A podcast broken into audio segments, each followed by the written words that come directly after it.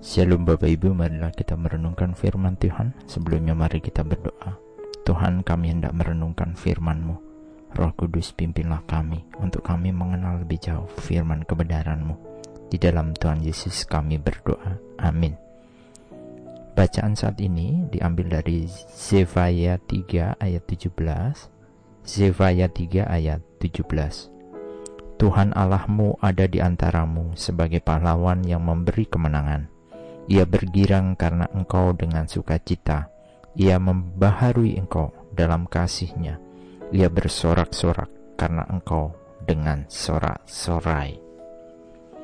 Hal yang paling membuat kita senang di dalam suatu pertandingan adalah ketika diri kita ataupun jagoan kita dalam pertandingan tersebut memenangkan pertandingan tersebut. Ekspresi dari kemenangan tersebut dilakukan dan ditunjukkan dengan melakukan perayaan, baik itu berupa pesta-pesta, semisal. Tetapi bagi orang yang tidak mampu menahan kekecewaan karena kekalahan, maka bisa saja mereka juga melakukan tindakan yang tidak baik. Mereka mungkin bisa melakukan kebrutalan dan pengerusakan. Nabi Zevaya menggambarkan kasih Allah dalam bacaan saat ini adalah Allah yang bersuka cita karena umatnya.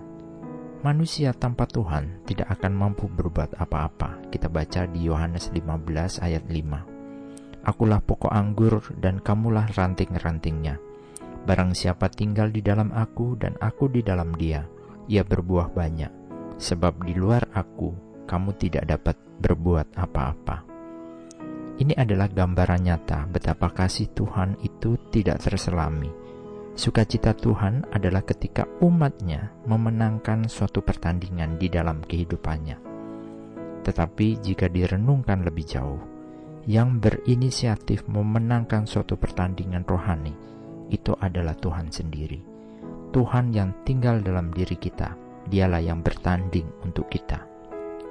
Digambarkan Allah bersuka cita karena umatnya dengan sorak-sorai. Padahal umat Tuhan belum layak mendapatkan kasih seperti itu. Mereka gagal mematuhinya atau tidak memperlakukan sesama dengan belas kasihan. Namun, kasih Allah lah yang mengatasi segala kegagalan mereka. Allah akan menyingkirkan hukuman mereka dan dia akan bersuka cita karena mereka. Dia akan mengumpulkan umatnya membawa mereka pulang dan memulihkan mereka.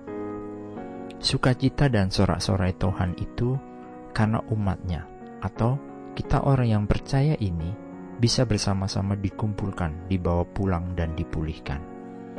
Tuhan ingin semua anak-anaknya mencari dia, untuk datang kepadanya, untuk mendekat kepadanya dan tinggal dalam kebenarannya.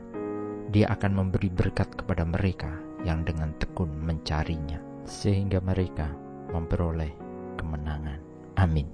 Mari kita berdoa. Bapa Surgawi yang penuh kasih, kami tidak layak berada di hadapanmu, namun Engkau melayakkan kami.